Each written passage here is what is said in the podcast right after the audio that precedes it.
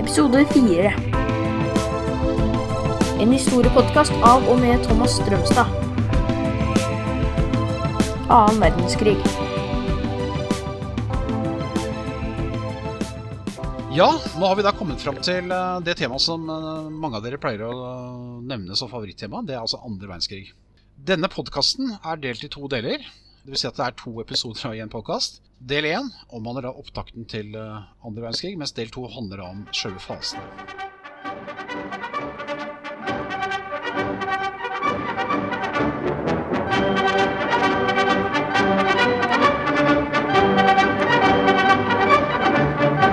Del 1.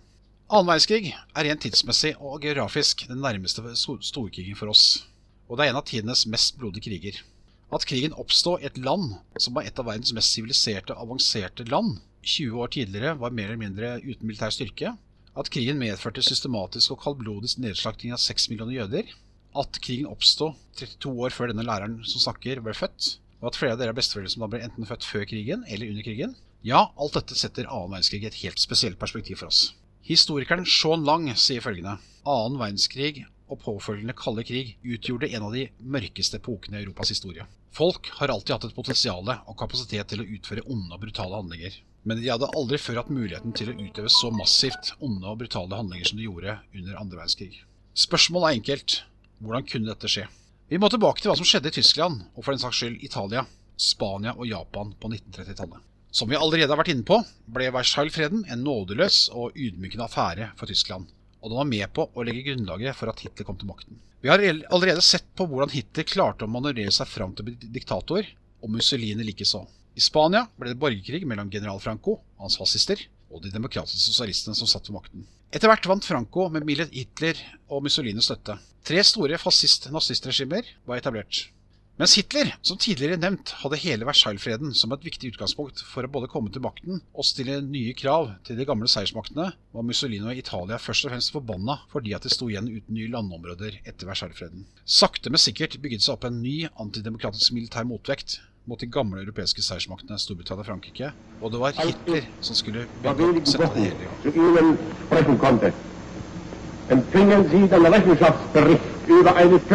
i gang. Aufbauarbeit des nationalsozialistischen Staates. Ich habe im Rahmen dieses Rechenschaftsberichtes unter den politischen Problemen auch jene Frage behandelt, die nur von gewissen europäischen Ignoranten in ihrer Gefährlichkeit immer wieder Hva gikk missachtet ønsket om et konnte. tredje rike ut på? Det tredje riket skulle være stort og sterkt og vare 1000 år. Derav også navnet Tusenårsriket. Tyske som bodde utenfor landets grenser, skulle heimen reich. De skulle hjem. Tyskland trengte livsrom, Lebensraum, og derfor var erobring av nye land et sentralt mål. Hitler trengte frie hender. første han gjorde, var å melde Tyskland ut av Folkeforbundet i 1935. Samme år som Mussolini da trosset samme forbund ved å annektere Etiopia. Hitler tok et kraftig grep om utenrikspolitikken og ble mer og mer offensiv overfor omverdenen. Gradvis brøt han bestemmelsene i Versailles-traktaten, som da i 1935 innførte allmenn verneplikt og opprettet et flyvåpen under Herman Gjørings ledelse. Storbritannia, Frankrike og Italia, ja, faktisk Italia, protesterte, men til ingen nytte. Hitler fikk enda mer blod på tann, og i 1936 marsjerte Tyskland inn i Rhinland. Området var tysk, men skulle være demilitarisert. Samtidig var Italia i ferd med å vinne et slag i Etiopia. Nå protesterte ikke Mussolini overfor Hitler, og Hitler protesterte ikke overfor Mussolini. En allianse mellom de to var etablert. Mars 1938 marsjerte tyske soldater inn i Østerrike uten å møte motstand, og gjennom Anschluss, altså sammenslåing mellom Tyskland og Østerrike, ble de to tyske broderstatene slått sammen. Vestmaktene protesterte igjen, men det hjalp lite. Når det gjelder Anschluss, så har man da i ettertid eh, vært åpen for at Hitlers annektering av Østerrike var berettiget, da flertallet av østerrikerne faktisk applauderte dette. Samtidig så er det faktisk slik at i Østerrike så har versjonen vært i krigen at dette var et overtramp mot Østerrike. I Sudetenområdet i Tsjekkoslovakia, som kort fortalt er i dag området som består av Tsjekkia og Slovakia, i grenseområdet mot Tyskland, bodde tre millioner tyskere. Hitler krevde at dette området måtte bli tysk. Tsjekkoslovakia motsatte dette, og grunnen til dette var at området var militært viktig for Tsjekkoslovakia. Det var et område med mye industri og var viktig for landets økonomi. Likevel skulle britene og franskmennene vise ettergivenhet overfor tyskerne. Hvordan kunne de gjøre dette? Vel, for det første ville et sterkt Tyskland fungere som et sterkt bollverk mot den store fienden i øst, Sovjetunionen. Vi skal huske på at Sovjetunionen var jo etter første verdenskrig og etter revolusjonen eh, sett på som en stor trussel mot det kapitalistiske Vest-Europa. Dessuten var vel ikke kravene så urimelige, ettersom dette var et område med flest tyskere. September 1938 møttes de fire statslederne Hitler fra Tyskland, Mussolini fra Italia, Edouard Dallier fra Frankrike og Neville Chamberlain fra Storbritannia. Der ble det enige om at Tsjekkoslovakia, uten at landet selv fikk være med på konferansene, skulle gi fra seg Sudetenområdet til Tyskland. Til gjengjeld måtte Hitler love å ikke røre det øvre Tsjekkoslovakia. Frankrike og Storbritannia garanterte sågar for Tsjekkoslovakias grenser. Chamberlain reiste hjem og kunne meddele at nå hadde de sikret fred i vår tid. Peace in our time. This morning, I had another talk with the German Chancellor, Herr Hitler. And here is the paper which bears his name upon it as well as mine. Eh, Vår tid skulle ikke strekke seg lenger enn til mars 1939, da Hitler like så godt eh, forsynte seg av resten av Tsjekkoslovakia. Hitlers vågemot og appetitt på land var like stor som en sulten rottweiler, og nå sto Polen for tur. Ettersom vestmaktene så langt hadde vist ettergivenhet til den store gullmedalje, var det bare å forsyne seg, tenkte han. Samtidig innså Hitler at det ikke var lurt å komme i krig med flere parter på forskjellige fronter. Han kontaktet derfor den ideologiske arvfienden i øst, Sovjetunionen. De to lands utenriksministre, Molotov fra Sovjetunionen og von Ribbentrop fra Tyskland, forhandlet fram en avtale som 23.8 endte opp med at Tyskland skulle få angripe Polen uten at Sovjetunionen ville gå til motangrep. Aldeles uforståelig, tenkte naturlig nok eh, vestmaktene. Hvordan kunne kommunister og nazister bli enige om dette? Senere skulle vise seg at Sovjetunionen hadde fått forsikringer om at store deler av Øst-Europa senere skulle deles mellom Tyskland og Sovjetunionen. Videre ville en avtale med Tyskland gi Sovjetunionen en tid da en krig likevel ikke var til å unngå. Vestmaktene hadde på sin side lovet Polen støtte dersom Tyskland ble angrepet. Denne gangen mente de alvor, og da Hitler gikk inn i Polen 1.9.1939, var andre verdenskrig i gang. Hvordan den forløp, skal vi nå se på i neste del.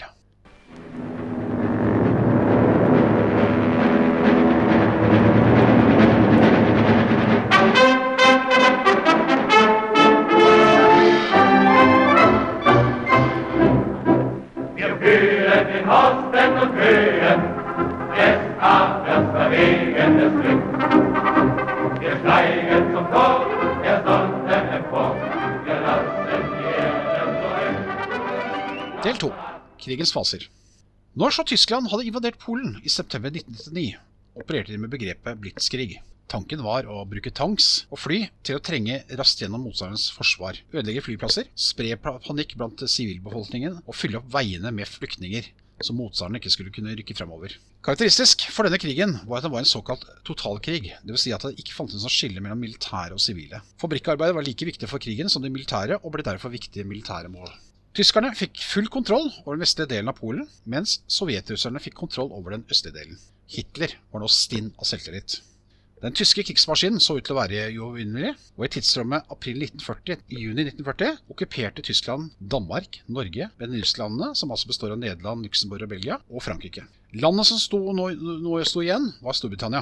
Høsten 1940 satte Hitler i gang med bombing av britene ved å sende bombefly over kanalen, kanalen og bombe britiske byer, og håpet han å kunne få eh, erobre Storbritannia. Men britiske bombefly svarte heroisk tilbake, eller som da Storbritannias statsminister Vincent Churchill sa det, aldri har så mange hatt så få å takke så mye for. We shall fight on the beaches. We shall fight on the landing grounds. We shall fight in the fields and in the streets.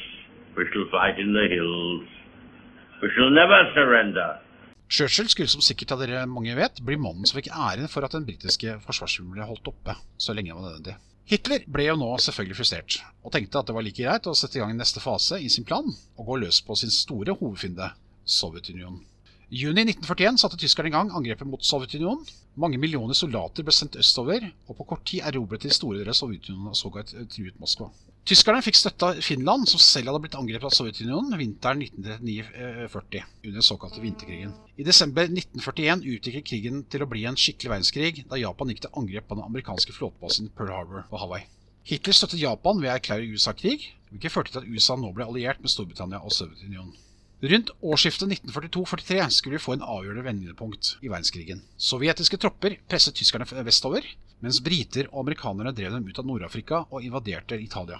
I løpet av 1943 tapte tyskerne ubåtkrigen i Atlanterhavet, og det ble lettere å få frem amerikansk hjelp til Storbritannia og Sovjetunionen. Samtidig vant den amerikanske marinen store sjøslag i Stillehavet og nærmet seg Japan. Da de allierte angrep Normandie i Frankrike i juni 1944, og sovjeterne drev tyskerne ut av Øst-Europa og rykket inn i Berlin april 1945, var krigen i ferd nærme sin ende. Hitler skjønte at det gikk mot slutten, og tok sitt eget liv, sammen med sin elskerinne Eva Braun.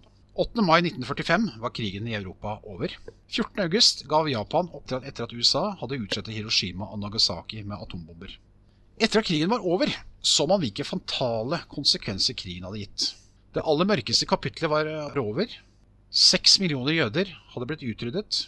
Det såkalte holocaust, som vi kaller det. Videre hadde tyskerne gått brutalt frem mot den slaviske befolkningen i Øst-Europa. Disse ble sett på som undermennesker og passet ikke inn i tyskernes storgermanske rike.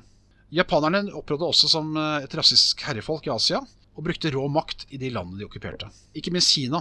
Heller ikke de vestallierte var uskyldige i krigsovergrep. Både et stort antall tyske og japanske sivile ble drept pga. de vestalliertes brutale bombing av deres byer. Formålet med disse bombingen var bl.a. å svekke moralen blant befolkningen. Da krigen var over, sto et stort rettsoppgjør for tur. 1945 ble de ledende tyske nazistene stilt for retten i Nürnberg. De ble siktet og dømt for krigsforbrytelser mot menneskeheten. Tolv måtte i galgen, sju fikk fengselsstraff, bl.a. Hitlers arkitekt Albert Speer, og tre ble frifunnet. Ellers ble det gjennomført krigsoppgjør i alle landene som hadde blitt okkupert. Her hjemme måtte NS-leder og ministerpresident Quisling bøte med livet. Så var det tid for å tenke fremover og planlegge en bedre verden. Første steg ble tatt med FN og erklæring om menneskerettigheter. Optimismen var stor, men det skulle ikke lang tid før nye motsetninger dukket opp, og en ny mørk periode i vår nære historie kalde krigen hadde blitt et faktum. Og det får vi komme tilbake i neste podkast. From Stettin in the Baltic to Trieste in the Adriatic, an iron curtain has descended across the continent. Behind that line lie all the capitals of the ancient states of Central and Eastern Europe. Warsaw, Berlin, Prague, Vienna, Budapest.